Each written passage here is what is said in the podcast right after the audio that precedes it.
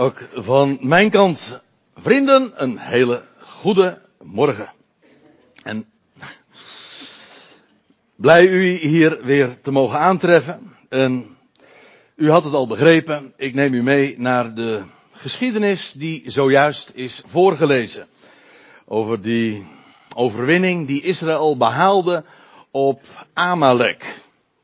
En het is een bekend verhaal, veronderstel ik zo. Zelfs op de zonderschool leent het zich erg goed om ook verteld te worden. Dat prachtige verhaal over Mozes die zijn handen of zijn hand opheft met die staf in zijn hand, waardoor Israël de overwinning behaalde. Maar ik stel voor dat we vanmorgen eens wat meer gaan inzoomen en wat er nou precies aan de hand is. Wat er gebeurde en, dat zal u niet verbazen, vooral ook eens stil te staan bij de diepere zin. Want het is natuurlijk niet alleen maar geschiedenis uit een ver verleden. Nee, het is veel meer dan dat. Ja, de apostel Paulus zegt in Galaten 4 ook van in deze dingen is een diepere zin gelegen. Of uh, nog wat meer in de lijn.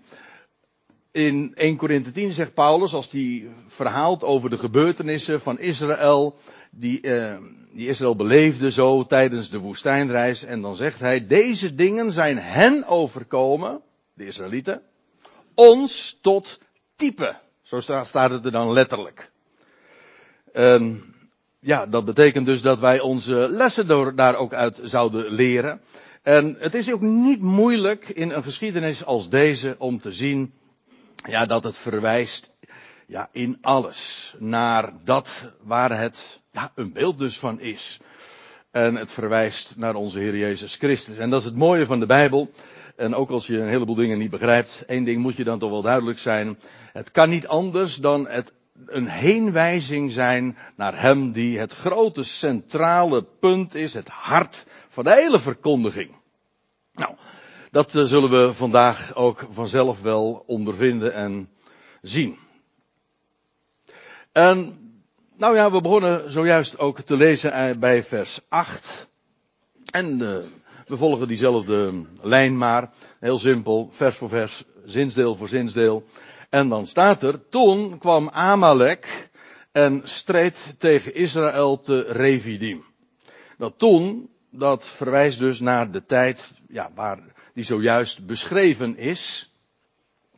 En u moet weten, Israël was nog kort tevoren, nog geen drie maanden tevoren, pakweg twee maanden tevoren, uitgetrokken uit uh, het land Egypte. En op een wonderbaarlijke wijze. En van pleisterplaats naar pleisterplaats getrokken ge, eh, tijdens die reis door de, ja, door de wildernis, door de woestijn. En als u het direct voorafgaande leest in Exodus 17, dan staat er in mijn en uw Bijbeltje waarschijnlijk ook boven Massa en Meriba. Dat is die geschiedenis. Massa betekent trouwens verbittering en, en dat andere woord Meriba beproeving. Later wordt daar nogal eens een keer naar verwezen. Israël, eigenlijk is dat uh, een, een standaard verhaal, een, een steeds weerkerend refrein. Hoe uh, Israël dat zo als volk, als individu, als verzameling van individuen beleefd heeft. Men had afscheid genomen van Egypte. Dat is één ding. Het beloofde land, dat was in zicht. Nou ja, dat zou nog veel langer duren dan men aanvankelijk dacht. Maar goed, dat is nu even niet het onderwerp. Het beloofde land was in zicht, dat was, ja, daar heet het beloofde land voor. Het was beloofd, maar dat was nog slechts toekomstmuziek. En onderwijl bleef men uh, in de wildernis en daar was weinig te beleven. Nou ja, ik bedoel, daar was weinig moois te beleven. En iedere keer in de geschiedenis lees je, je zou eens een verzameling moeten aanleggen van waar dat allemaal wordt beschreven, dat Israël, en als u een statenvertaling hebt, dan staat er dan murmureerde. Ik blijf het een mooi woord vinden. Het betekent gewoon mopperen, klagen, zeuren. Daar kunnen we meer woorden bedenken. Maar dan wordt het wat onparlementair, zal ik maar zeggen. maar gewoon, men had er uh, ja, de balen van wat men allemaal. Ja, dat lees je al inderdaad ook. Uh, dat ze van het voedsel dat ze kregen, daar hadden ze op een gegeven ogenblik ook genoeg van. Nou, in ieder geval, als ik even terug verwijs naar dat Massa en Meriba, dan lees je dat ze aankomen op een pleisterplaats. In vers, um, in vers 1 lees ik dat dan even voor. Ik heb daar geen plaatje van, maar er staat. Ze trokken van pleisterplaats tot pleisterplaats naar het bevel van de heren en legerden zich te Revidim. Daar was, maar daar was geen water voor het volk om te drinken. En het volk begon met Mozes te twisten. En zeiden, geef ons water, zodat we kunnen drinken. En dan is Mozes zelfs bang dat ze, hij het leven moet laten omdat ze zo boos zijn omdat ze hem zouden stenigen. Nou, dan krijg je die prachtige geschiedenis. Het is trouwens opmerkelijk, voordat de wet komt, want nog steeds, daar moet ik er nog even bij zeggen, uh, oké, ze waren al door de Rode Zee getrokken, beloofde land was nog in zicht, maar nog steeds hadden ze ook, waren ze ook nog niet aangekomen, niet ver trouwens daar vandaan, maar ze waren nog niet aangekomen bij de Horeb waar de wet was gegeven. Vanaf de uittocht uit Egypte tot aan de berg Sinaï lees je niet ene keer dat er iemand doodging of viel. Uh, daarna wel, toen eenmaal de wet was gegeven, dan lees je heel dikwijls dat er velen omkwamen totdat de wet gegeven werd. Zolang men nog alleen maar leefde uit de belofte van God, want men, de wet had men nog niet. waarvan men heel grootmoedig had gezegd, om niet te zeggen hoogmoedig, alles wat de Heer gesproken heeft, dat zullen wij doen. Nou, dat, had, dat is heel erg link om dat te zeggen. want dan ga je staan op je eigen prestaties en dan doe jij een gelofte. Nou, daar, heb, uh, daar heeft de Heer ook geen hoge pet van op. En dat bleek dan ook meteen wel. Maar zolang men alleen maar Gods belofte had, dan lees je, nou, uh, daar deugde niet veel van. En ik zei al, men mopperde, deze geschiedenis van Massa en Meriba is daar ook weer zo'n treffend voorbeeld van. Men mopperde en uh, er is van alles op dat volk aan te merken, maar de Heer behandelde hen in genade. Mooi hè? Zolang men, zolang je alleen die belofte hebt, daaruit leeft, ja, dan heb je ook te maken met zijn voorzieningen. Gegarandeerd. Nou ja, men zag dat niet. En ja, als je die geschiedenis, daar gaan we het nu dus verder niet over hebben. Ik wil alleen nu eventjes aangeven van ja, in welke context dit dan staat. Uh, dan lees je dat de Heer tegen Mozes zegt van neem je staf, die een grote rol iedere keer gespeeld, ook in de geschiedenis die, waar we het straks over gaan hebben. Dan neemt hij die staf, eh, dan moet hij de staf nemen en dan staat er, sla tegen de rots. En er kwam uit die rots een overweldigende hoeveelheid levend water. En zo was weer voorzien door de Heer. Ondanks het gemopper van het volk. Voor God voorzag altijd. Ze werden wel voortdurend beproefd en men was verbitterd, bitterd, maar de Heere voorzag. Geweldig. Trouwens, als ik dan zeg van die rots, ja, dan zegt Paulus van ja, de rots, dat is Christus natuurlijk. Dat is niet zo moeilijk. Die bovendien niet alleen maar een rots is waar we op kunnen bouwen, maar bovendien ook voorziet van levend water. Overweldigend hoeveelheid. En die rots is ooit geslagen ook. Eén keer. Dat is meer dan voldoende. Dat heeft Mozes later ook moeten ondervinden. Maar goed, dat uh, ga ik nu niet toelichten. In elk geval, hij sloeg één keer op die rots, die, de geslagen rots. En daaruit kwam levend water. Ik hoop dat u begrijpt waar ik het nu over heb. Wij kennen iemand die geslagen is. Van Gods wegen. Maar juist sindsdien en op grond daarvan ook levend water in, in overvloeiende hoeveelheid levert. En geeft. Voortdurend. Altijd. Nou, dat was wat zojuist had plaatsgevonden. Als er, er staat toen of en dan kwam Amalek, dat betekent dus bij die gelegenheid. En dan staat er toen kwam Amalek. Wat is Amalek? Wat is dat?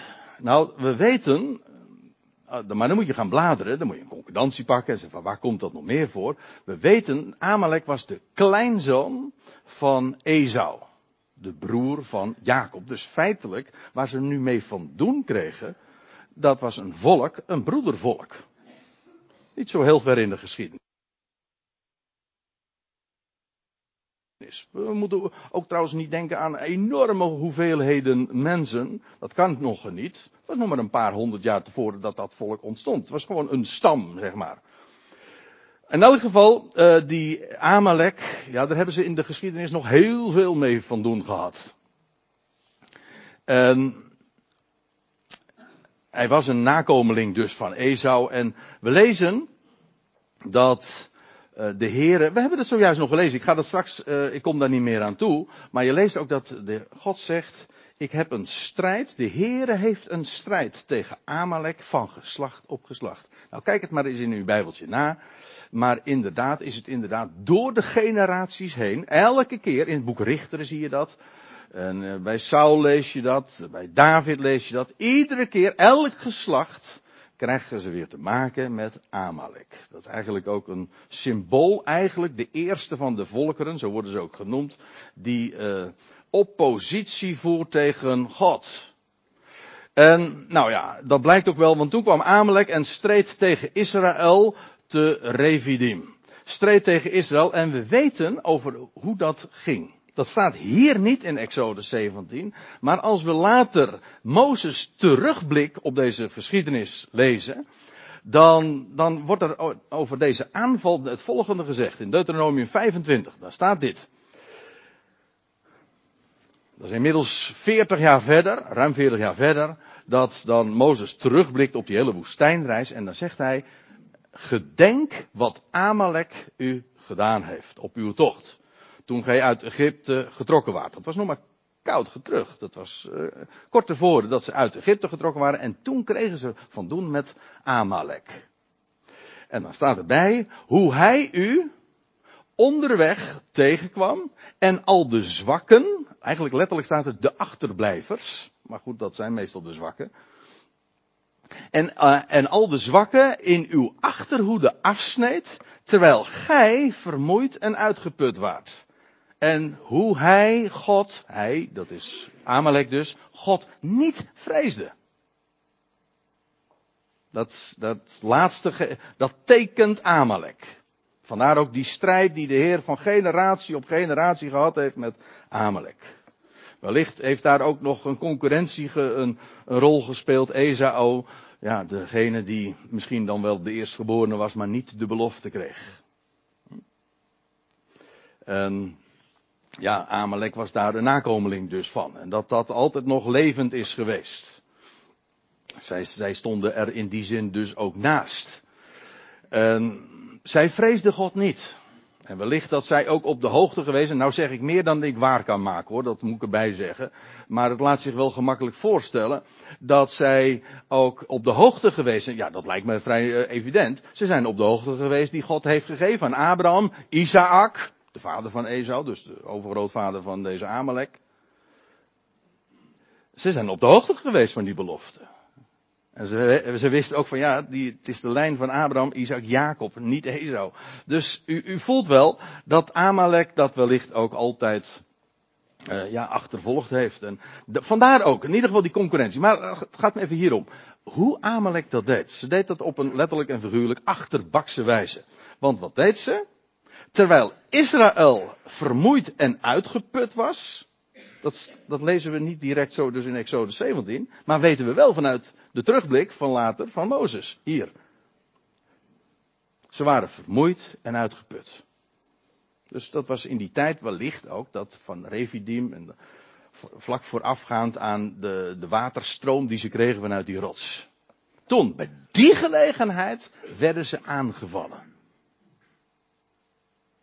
Ja, dat is trouwens, uh, als we de lijn zo uh, naast daar, uh, als we de parallellen trekken ook gewoon met, in, in de praktijk, zo gaat dat ook. We, als ik het ook in, de, in de, de beeldspraak mag zien, je, hebt, je, bent je gaat de weg van geloof. Je hebt de wereld uh, verlaten, afscheid daarvan genomen. En je gaat op weg naar het beloofde land. Maar dat is allemaal nog toekomst. En in die tussentijd, ja, waar verblijf je dan? Nou, eigenlijk in een soort niemandsland. Je bent niet meer in Egypte. Die wereld, daar heb je ook niks eigenlijk meer aan. En zij ook trouwens niks aan jou. Hm?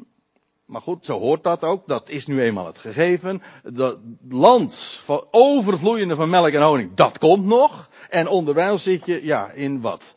Nou, niks, veel, niks bijzonders. Woestijn, wildernis. En waarmee krijg je dan te maken? Nou, met strijd. Met moeite. Met beproevingen. Ja, en dan komt het erop aan. Want dan zijn er zulke verleidingen. En dan is het zo logisch ook, want je kan natuurlijk heel makkelijk zeggen van, god, die, dat volk heeft het ook nooit begrepen, zeg. Altijd maar dat gemopper. Ja, ja. Nou, kijk maar eens om u heen. En kijk maar eens gewoon hoe mensen dat beleven in geloof. Ze zijn gelovig. Ze geloven in de belofte van God, waarin ze op weg zijn.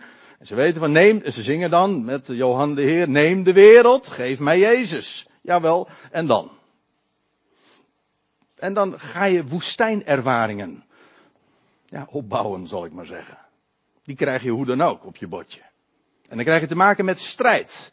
En vooral strijd vanuit, ja, vanuit de achterhoede. Ik bedoel, dan word je van achter aangevallen, op een achterbakse wijze. Op je zwakste plek. Terwijl, oh ja, ook op het zwakste moment. En op de zwakste plek. Ja, door degenen die God niet vrezen, die, die hem niet kennen. En die strijd, daar gaat het over in Exodus 17. En als ik dat gewoon overbreng, zoals Paulus dat dan ook zegt, van ja, die gebeurtenissen zijn een type voor ons, dan is het niet zo moeilijk om dan ook te zien van ja, dat is precies de ervaring die je ook meemaakt als, als, als volk van God, onderweg naar het beloofde land. Ja, nou, van de wereld moet je het niet hebben, maar er is strijd. Laat je ook niks wijsmaken van dat het allemaal zo mooi is. Natuurlijk, zijn woord is geweldig rijk. Maar wees je ervan bewust dat in die wereld, in die, in die transitieperiode zeg maar, van de wereld heb je achter je gelaten, doei. En dat beloofde land is in zicht en dan krijg je echt te maken met dit soort belevenissen strijd, achter aangevallen worden, op de zwakste plekken. En dan, waar komt het dan op aan? Nou, ze streden staat er uh, te, te revidim. Ja, we gaan niet erg lang door, uh, uh, snel door de tekst, zie, zie, ik u denken. Maar we, we maken straks wat meer vaart. te revidim. Kijk, uh, dat was namelijk de laatste pleisterplaats, moet ik nog eventjes erbij zeggen, voordat ze bij Horeb arriveerden. Ik zei daar zojuist al even wat over. Daar kregen ze dus de stenen tafelen en de hele wetgeving. Dat lezen we in Exodus 19 vers 2. Dat was Revidim. En om u even een plaatje te geven, dat is erg omstreden wat ik u nu allemaal laat zien. Maar zo versta ik dat. En ik ga het nu niet uh, onderbouwen of zo, dat zou veel te ver voeren. Het doet er niet, niet de zaken, maar meestal wordt die, die, die, ja, dit geplaatst ergens daar in die peninsula, zo heet dat van Sinaï, tussen, de, tussen die beide uitstulpingen van de zee. Maar uh, ik versta het zo dat ze zijn, er met recht dus door de Rode Zee zijn getrokken. Ja, ik, ik wijs het nu even aan op dit plaatje. Ik, kan, ik heb maar één zo'n ding. Dus. maar in ieder geval, ze zijn door de Rode Zee dus getrokken, letterlijk hier. En uh, toen zijn ze gearriveerd daarbij Revidim. Dat moet dus in Arabië geweest zijn. Ik geloof dat inderdaad Sinaï in, de, in Arabië lag. En als u dat niet gelooft, dan uh, doet dat nu even niet ter zake, maar zo versta ik dat. In elk geval, uh, dan zijn ze hier dus gearriveerd. niet zo ver dus bij de berg Sinaï vandaan. En daar kregen ze dus te maken met de, dat, ja, die stam die hen het zo moeilijk ging maken en op de zwakste plek aanviel. Ja, Revidim hier dus. En dan lees je, we gaan verder. En Mozes zei tot Jozua, hey, Jozua. U zegt, die, die man, die ken ik, die naam ken ik. Ja, uh, wat dacht je wat? Ik uh, heb het eens, uh, nou niet nageteld, dat de concordantie op de computer doet dat veel sneller dan ik. Maar dat komt een keer of 20, 200 keer voor in de Bijbel. De eerste keer is hier in Exodus 17 vers 9. Dat we de naam Jozua, Jehoshua tegenkomen. Zie je nog een betrekkelijk jonge man van net in de vijftig. Dat zeg ik expres zo.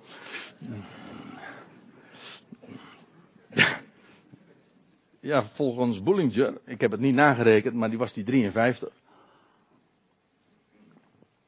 Nou, dan ben nog een hele jonkie, hè?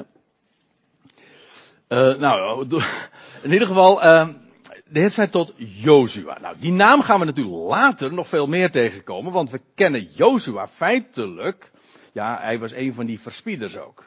Maar vooral gaat hij de hoofdrol spelen als Mozes van toneel is verdwenen na 120 jaren en hij brengt het land, uh, pardon, het volk dan in het beloofde land. Dat is Jozua. Een heel Bijbelboek naar hem genoemd en door hem ook, als u het mij vraagt, ook opgetekend. En hier wordt zijn naam voor het eerst genoemd. En je zou het zo kunnen zien, Mozes is eigenlijk de grote leidsman van het volk. En het is Jozua die vervolgens de taak afmaakt. De voleinder. En als u een klein beetje een bijbelkennis hebt eh, en op de hoogte bent van de inhoud van de Hebreeënbrief, dan weet u waar ik het nu over heb. Want dat is eigenlijk in type 1. Je leest van, van, van onze Jozua, want, eh, moet ik er nog even bij zeggen, als wij zeggen Jozua of Jehoshua, dat is wat op zijn Hebreeuws geformuleerd, dat is exact dezelfde als Jezus. Als ik het in het Hebreeuws moet, uh, het verschil moet aangeven, dan kan ik het niet eens. In het Grieks ook niet. Het is gewoon exact dezelfde naam. Als we de naam Jozua in het Nieuwe Testament tegenkomen, dat is één keer. En dan is dat exact dezelfde spelling, dezelfde uitspraak als de naam Jezus. Dus dat onderscheid dat wij maken, dat, dat moet je eigenlijk even wegdenken. Joshua, dat betekent trouwens een geweldige naam. De Heere, Yahweh, is redder. Dat is zijn naam ten voeten uit. Wat, hoe kennen wij Yahweh nou als redder? Dat is Jehoshua. Maar Mozes is de leidsman, maar Joshua is de voleinder. Degene die het uiteindelijk allemaal volbrengt. En dat is hoe staat het er ook alweer in Hebreeën 12? Laat ons oog alleen gericht zijn op onze, op de overste leidsman en de volleinder van het geloof. Jezus. Oftewel, Jozua. Maar, goed. In beeld uh, maakt het ook geen verschil dus. Het is dezelfde. Hier komen we hem voor het eerst tegen. Mozes zei tot Jozua, kies ons mannen uit. En dat wil zeggen, Jozua moest dus eh, selectie gaan maken. Hij moest uitkiezen. Ja. En dan staat er trek uit en strijd tegen Amalek. En morgen zal ik, Mozes, op de heuveltop staan. Eigenlijk staat het in, een, in het Hebreeuws in een passieve vorm. Dus vandaar ook in die interlineair die u hieronder ziet, gestationeerd zijn. Dat is wat het is. Ik, ik, ik ben, dan ben ik geplaatst op die top op de heuvel. mooi. De hoogste positie, de, de top van de heuvel. Dus, Joshua beneden mocht de strijd gaan aanvoeren en leiden. Maar, zegt Mozes, ik word boven geplaatst. Zo, zo staat het er eigenlijk. Ik word boven, boven geplaatst. Ik word in de toppositie geplaatst. De top van de heuvel. Daar word ik neergezet. En ik, ik ben u onderwijl, terwijl ik dit dus zo zeg, aan, eigenlijk aan het warm maken. Maar u, u begrijpt, uh, over wie hebben we het dan? Over degene, iemand die wij kennen, de overste leidsman, de volleinder. Degene die vandaag de hoogste positie ook inderdaad inneemt. Er is een strijd beneden, maar wij kennen iemand die boven alles gezeten is, de in mijn hand. Die wordt hier al genoemd de staf Gods. Nou, met die staf is toch echt een heleboel aan de hand. Dat is een prachtig onderwerp. Alleen al. Je zou het gewoon eens eh, een, ja, een hele serie studies zou je kunnen geven over staven. Hè, dat is meervoud. Staven in de Bijbel. En nou, dan begin je al in het boek Genesis van Jacob, die de staf in zijn hand had en door de Jordaan trok. Jacob die op het uiteinde van zijn staf leunde toen hij de belofte uitsprak over, de, over, over zijn zonen. Nou ja, et cetera. Maar nu even beperken tot die staf van, uh, van Mozes. Dus die wordt genoemd de staf Gods. Een paar keer eerder uh, lees je diezelfde uitdrukking ook. Dat was die staf. Nou laten we eens eventjes uh, een omsomming geven. Hij is niet volledig, maar goed. Nee, verre van volledig, maar ik, om u even in ieder geval een indruk te geven wat er met die staf aan de hand is. Het was de staf waarmee hij zijn kudde 40 jaar leidde. Want Mozes was al helemaal geprepareerd hè, voor zijn werk. 40 jaar heeft hij zijn volk geleid door de woestijn, maar 40 jaar daaraan voorafgaand eh, heeft hij de kudde geleid. Hij was een herder. En toen hij de schaapjes kon leiden, die kudde, door alles heen, toen had God hem bekwaam geacht. Nee, sterker, God had hem gekwalificeerd om nu ook de kudde van het volk te leiden. En, nou, dat was het.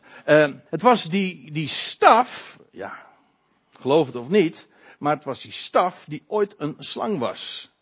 Bij meerdere gelegenheden zelfs. Ooit in de woestijn al toen God Mozes riep. En later ook bij de, aan het hof van Farao. Dat, dat de staf veranderde in een slang toen hij op de grond gegooid werd. En vervolgens pakte hij hem weer bij zijn staart en toen werd het weer een staf. Nou, dat mag toch wel. Wij, eh, in de, in, in de in de volksvertellingen spreekt men dan, oh, hè, dat sprookjes, eh, speelt de staf ook altijd een grote rol, maar dat heeft een reden. Die staf heeft, is namelijk een embleem van nieuw leven, ja, van God zelf, van Gods vermogen. Wat een mens niet kan, dat kan hij. Eigenlijk ook een embleem van, van leven, iets van opstanding. Ik vind, blijf het een mooi, een simpel beeld vinden, want wat is eigenlijk een staf? Waar gebruik je een staf primair voor? Een staf gebruik je om, om op, ja, als je ouder bent geworden, hè, als je nog eh, ouder dan 53 bent, zeg maar. En dan heb je, heb je een staf nodig om op te staan. Nou, dan heb je eigenlijk meteen gezegd waar het, waar het een uitbeelding van is. En om staande te blijven. Dat, dat is eigenlijk wat een staf is. Eh, en daar komt leven uit voort. Dat had je elke eens kunnen vragen aan Aaron bijvoorbeeld. Die, wiens staf amandelbloesem en vruchten zelfs voortbracht. Waardoor die aangewezen werd tot de hoge priester. Prachtige beelden allemaal. Maar, nou, een staf is een uitbeelding van leven uit de dood. Van goddelijk vermogen. Van wat God bij machten is te doen. Waar een mens ophoudt aan het eind van zijn Latijn is, dan begint God. En als de mens zegt van, we gaan dood en en dan zegt God, nee, Mozes, neem die staf en sla tegen de rots. Uh, het was ook die staf waarmee hij al die wondertekenen in Egypte deed. Iedere keer lees je, hij nam de staf. Keer op keer. Ik verwijs hier alleen naar hoofdstuk 4 vers 17, maar iedere keer lees je het. Uh, het was ook, nou dat was wel uh, een, dat lag nog heel vers in het geheugen ook, namelijk waardoor ooit de Rode Zee gespleten was. Nog zo'n godswonder. Men liep aan tegen de zee. Men, dat, eh, eigenlijk was die, de Rode Zee, dat was hun, hun graf. Menselijkerwijs gesproken. Daar zouden ze in verdwijnen. Is, eh, de Egyptenaren kwamen achter hen aan en zij zouden gewoon in de zee gedreven worden. En ze zouden verdwijnen met recht in de zee, in het, in het graf. En wat doet God dan? Hij, hij baant een weg door het graf heen. Vraag niet hoe, maar dat is ook, dat is ook geen mens. Is, we praten nu niet over menselijk vermogen. We praten juist daar waar de mens niet verder kan. Letterlijk hier. Daar zegt God, ik baan een weg. En de, dus door die staf gods werd er, werd er inderdaad ja, een weg gecreëerd zo dwars door de dood heen. Het was die eh, staf ook, maar daar had ik eerder het al over, waar, die, waarmee Mozes eerder in ditzelfde hoofdstuk ook op de rots had geslagen. Nou, ik heb de conclusie, ik had hem al getrokken. En het kan niet missen. Het is een beeld van Gods vermogen. Opstanding, van leven, dwars door de dood en van leven ook uit de dood. Keer op keer zie je dat gedemonstreerd. En dan zegt, nou, Mozes zegt, morgen zal ik op de top van de heuvel staan of gestationeerd zijn met de staf gods, dat zal wel de rechterhand geweest zijn, met de staf gods in mijn hand. Want rechts is verhoging, nietwaar? Voorrang. En dan staat er, Joshua nu deed zoals Mozes tot hem gezegd had, de volgende morgen dus, en streed tegen Amalek. Leuk hè, zoals het staat. Er staat, Joshua streed. Joshua streed. Zo moet je de klemtoon dan leggen. Ja, je kan zeggen, het volk streed, nou ja, tot je dienst. Maar zo staat het er niet. Dat is ook niet het echte ding. Het ding is, Joshua streed. Hij, de Heere, redt. Hij voert de strijd. Nou, ik hoef dit niet eens toe te lichten. Ik, volgens mij is dit al de toelichting. Hij streed. Trouwens, een paar hoofdstukken eerder, dat is Exodus uh, 15, daar lees je dat God zegt, tegen zijn volk, bij monden van Mozes dan, de Heere zal voor u strijden. En jullie, wat is jullie aandeel? En gij zult stille zijn. Dat is, dat is de clue. Hij strijdt. Joshua strijdt. Hoezeer het volk daarin ook een instrument was, maar niet meer dan dat. Vooral, zo moet je de nadruk leggen. Niet meer dan dat. Hij streed. Jozua deed zoals Mozes tot hem gezegd had en streed tegen Amalek. Maar Mozes, Aaron en Ger, of Hur als u een statenvertaling hebt, hadden de heuveltop bestegen. Ja, en die noem ik ze maar even modern als een soort sidekicks. Het zijn assistenten, dat wil zeggen van Mozes. Mozes, die zou de staf in zijn hand hebben, opgeheven. En ja, aan Aaron en Hur, die, die stonden hem bij. En dat is mooi, want let eens even op die namen. Aaron, daarvan weten we, die kwam uit de stam van Levi. Ja, het is de priesterstam. Aaron is de eerste hoge priester van Israël. Maar representeert de Levi, de priesterlijke stam. Hur, of Ger, die komt uit de stam van Juda. Dat weten we, wordt diverse keren zo gezegd. En we, u kent Hur toch wel. En de ouderen onder ons, die ouderen zijn, nou ja, sorry. Um, de oude, uh, die weten, in de jaren 60 had je een hele beroemde film. Ben Hur, ja. Want Hur, die had namelijk inderdaad ook een zoon. Ben betekent gewoon zoon, dus Ben Hur betekent zoon van Hur. Dat refereert aan deze geschiedenis. Ook nog, tenminste, ja. In ieder geval Ben Hur. En, ja, weet u wie Ben Hur was? Gewoon vanuit de Bijbel gezien. Dat was Uri. En wie was Uri dan weer? Dat was uh, de vader van Besaliel. En dat was de, de, een van de twee bouwers van de tabernakel. Samen met een Oholiab. Maar goed, uh, het gaat er even om. Um, die Hur, daar is veel meer over te zeggen dan ik nu doe, maar houd even dit vast. Als Mozes daar op de top van de berg is, dan wordt hij bijgestaan door twee mensen. Eén uit de priesterlijke stam en Aaron en één uit de koninklijke stam. Juda. De koning-priester. Hou hem even vast, ik kom er straks nog even op terug. En wanneer Mozes, staat er in verzelf, en wanneer Mozes zijn hand ophief, eigenlijk een, ja, het is niet zozeer een gebedshouding, dat is een andere woord wat hiervoor gebruikt wordt. Het is hier niet, uh, het, is, uh, het idee is hier zijn hand ophief. In, als een overwinningsteken. Want dat is toch wat een mens doet. Als die inderdaad zijn hand opheft. Ja, je kunt om verschillende redenen je hand opheffen. Maar als daar overwinning is, ja, dan, dan, dan gaan de handen in de lucht. Als een embleem van triomf. En, maar hij had die staf in de hand. U moet namelijk weten, ik kom daar niet meer uh, op terug, dus ik, ik noem het, uh, zover komen we niet in de bespreking, dus daarom noem ik het hier even. Naar aanleiding van deze geschiedenis krijgt God een, nog een naam erbij. Is een van de zeven godsnamen. En dat is Yahweh, of Jehovah zo u wilt, Nissi. Yahweh, Nissi. En Nissi betekent mijn banier, mijn vaandel. En wat is die vaandel dan? Nou, dat is die, dat is die staf in zijn hand. Dus wat Mozes hier deed, de strijd moest nog gestreden worden, maar Mozes die stond op de top van de berg, of van de heuvel in dit geval, en hij had een opgeheven hand. En in die opgeheven hand had hij een staf. De staf van God. Triomf. Op voorhand was dat meteen al beslecht. Dat is eigenlijk het idee.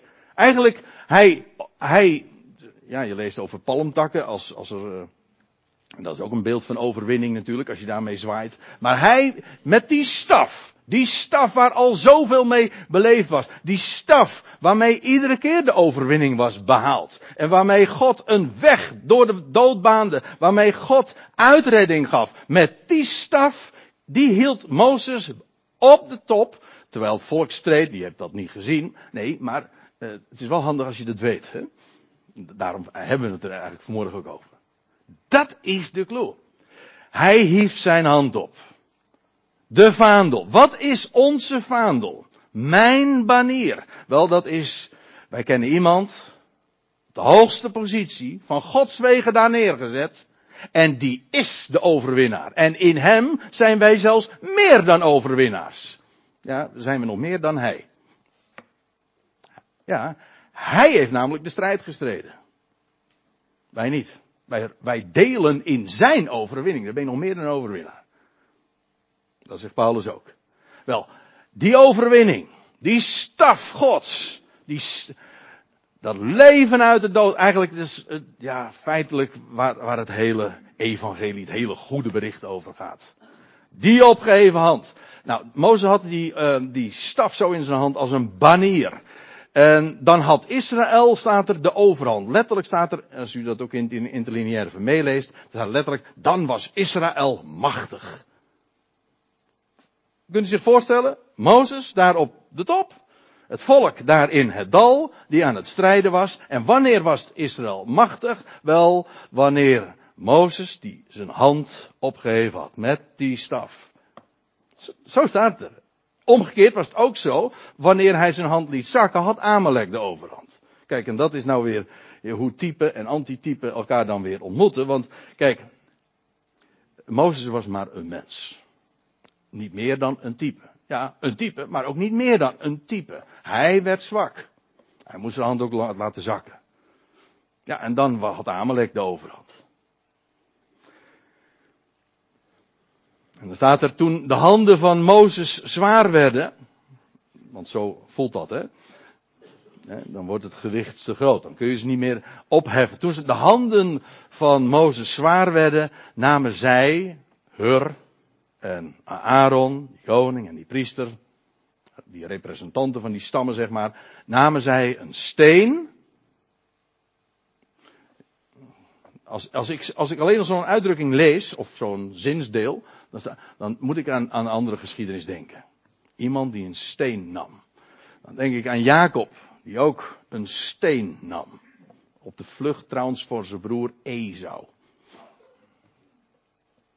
Leg de connecties eventjes. Op de vlucht voor zijn broer Esau. En dan, nam, lees je, Jacob nam een steen. Ik kreeg geen nachtmerrie. Ik kreeg een geweldig visioen van Gods wegen. Waarbij hij een, een, een, een, een trap zag, van boven naar beneden. Een verbinding tussen hemel en aarde. Dat zag. En die steen, ja, in de Bijbel is altijd een type van Christus. Eigenlijk heel uh, mooi in, in zo'n geschiedenis. Want we komen een staf tegen, we komen Joshua tegen, we komen Mozes tegen, we komen Hur tegen, we komen Aaron tegen. En allemaal, hoe je het ook wendt of keert. Uh, je kan eigenlijk dan nooit ook de draad missen. Uh, je komt toch bij Christus uit. Het verwijst naar hem. De steen in de Bijbel verwijst altijd naar hem.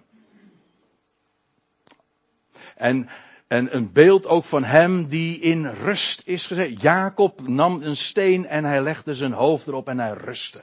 Zo nam, uh, namen Hur en Aaron een steen en zodat Mozes daarop kon rusten. Uh, ze legden die onder hem neer zodat hij daarop kon gaan zitten. En Aaron en Hur ondersteunden zijn handen. De een aan de ene en de ander aan de andere zijde. En hier heb je hem. Mozes. Aan de ene kant de hoogste plaats. Hou hem even vast. Het plaatje is heel simpel eigenlijk. Maar op de hoogste plaats. Gezeten. In rust. En vervolgens priesterlijk en koninklijk. Aaron en Hur. Levi en Juda ondersteunt. En waar denken we dan aan? Je zou de Hebreeënbrief schrijven, er eens een keertje op na, over na moeten vragen. Want die zou zeggen van nou, hierover hebben wij veel te zeggen. Maar wij kunnen thans niet in details treden, zegt hij er dan bij. En ik zeg het hem nu ook even na. Daar kunnen we nu even niet in details treden. Maar waar we aan denken, natuurlijk, is aan hem die vandaag de toppositie heeft, ontrokken is aan het oog. Als je beneden in de strijd zit, zie je hem eh, ook helemaal niet. Nee, maar eh, het helpt wel heel erg als je weet, hij is daarboven. De grote koning-priester. Hij is uit de stam van Juda, maar hij is ook priester. Waarom? Nou, als u, nogmaals, dan moet je in de Hebreeënbrief schrijven, er is op naslaan. Zoals Melchizedek ooit ook zowel koning als priester was. Naar die ordening, naar, dat model. Zo kennen wij iemand. Inderdaad, niet zichtbaar, ontrokken aan het oog, maar niettemin, dat is de beslissende realiteit. Daar gaat het maar om.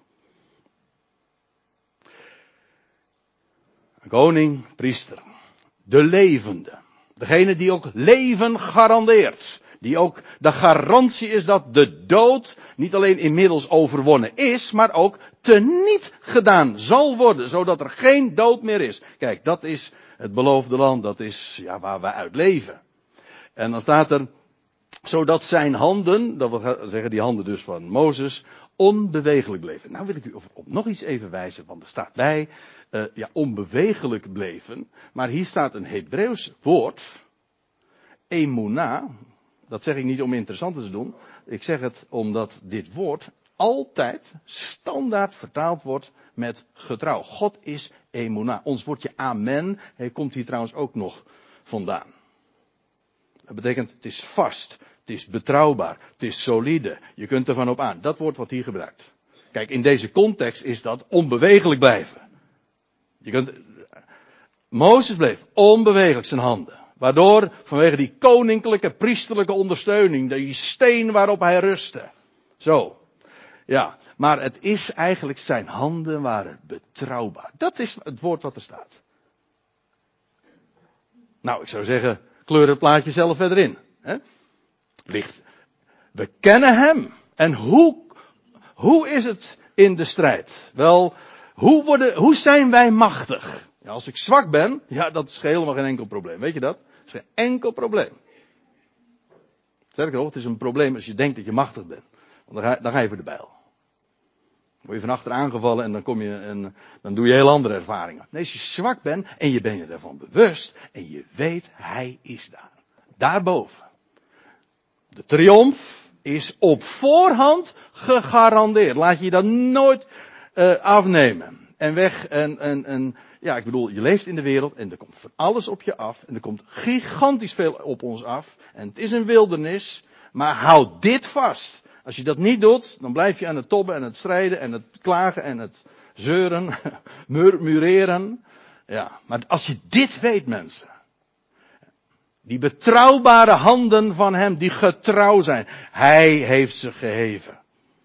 De overwinning is gegarandeerd. En tot zonsondergang. Dat betekent hier in de praktijk gewoon tot, uh, ja, tot de strijd over was. Want overdag werd er gestreden. En toen was de strijd gestreden. Dus zolang de strijd uh, duurde, was daar die, die man. Op de top. Gezeten. Met zijn betrouwbare, getrouwe handen. De staf Gods in zijn handen. Zo. Als, de, als, ja, als een banier, als een vaandel die hij droeg. Triomf. En staat er zo overwon Jozua, Amalek en diens volk. Zo. Dat wil zeggen, dus op die wijze. Hoe? Wel, terwijl dus beneden een strijd gevoerd wordt. En u zegt, u, we weten hè, dat geldt trouwens voor de mensen in het algemeen hoor, dat weet ik wel. Geldt ook voor de mensen dus in, eh, in, de, in Egypte om zo te zeggen. Het leven, hoe zeggen ze dat? Het leven is een strijdtoneel. Ja, voor iedereen. Maar zeker als je de weg van geloof gaat. Dan krijg je namelijk te maken met conflicten die iemand die in de wereld leeft niet heeft. Daarmee, ik bedoel niet te zeggen van dat, dat, dat, maakt ons zielig. Nee, maar in zekere zin is dat, dat is wel een minpunt. Je bent op weg. Je zit in de woestijn. En, hoe, en je hebt een, een strijd te voeren. Ja. Maar weet je wel, de strijd beneden wordt boven beslist. Of eigenlijk moet ik het nog anders zeggen, is boven beslist.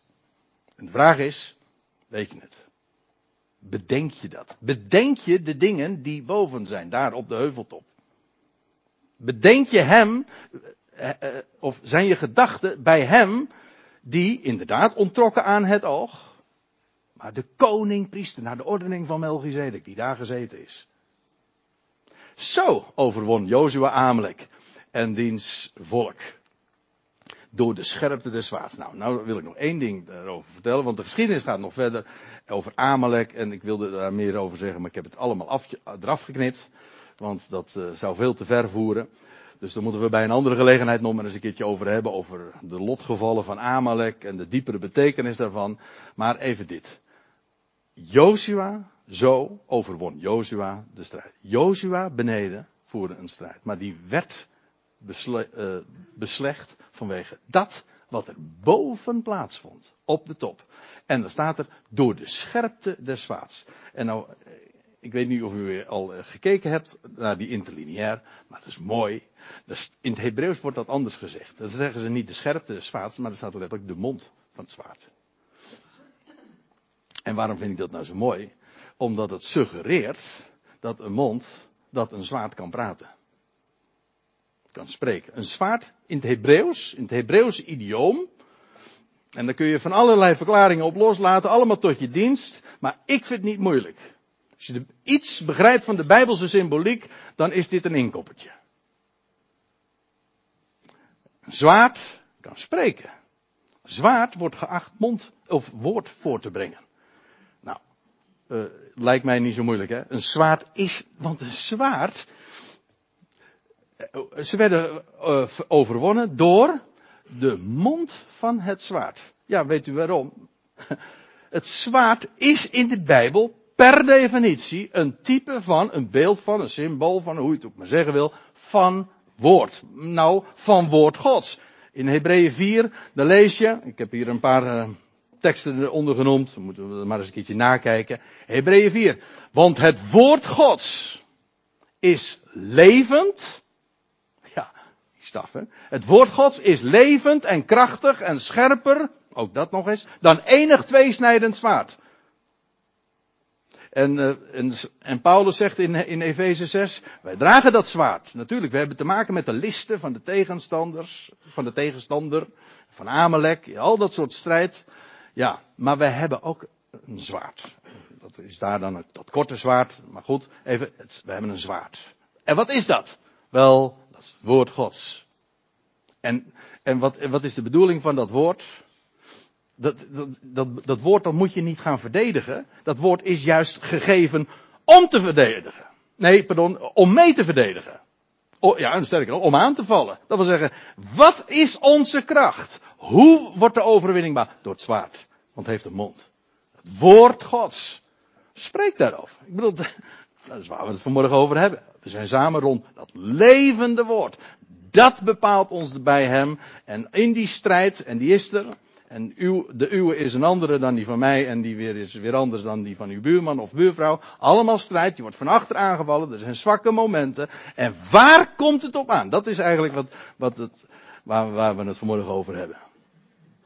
Nou, het, de clue ligt er niet in die strijd beneden. De clue zit hem in hem die daar op de top van de heuvel is. Met de staf in zijn handen.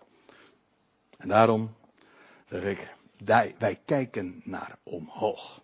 Dat is wat een mens ook geacht wordt te doen. Omhoog te kijken. En ik stel voor dat we met elkaar daarover een lied gaan zingen.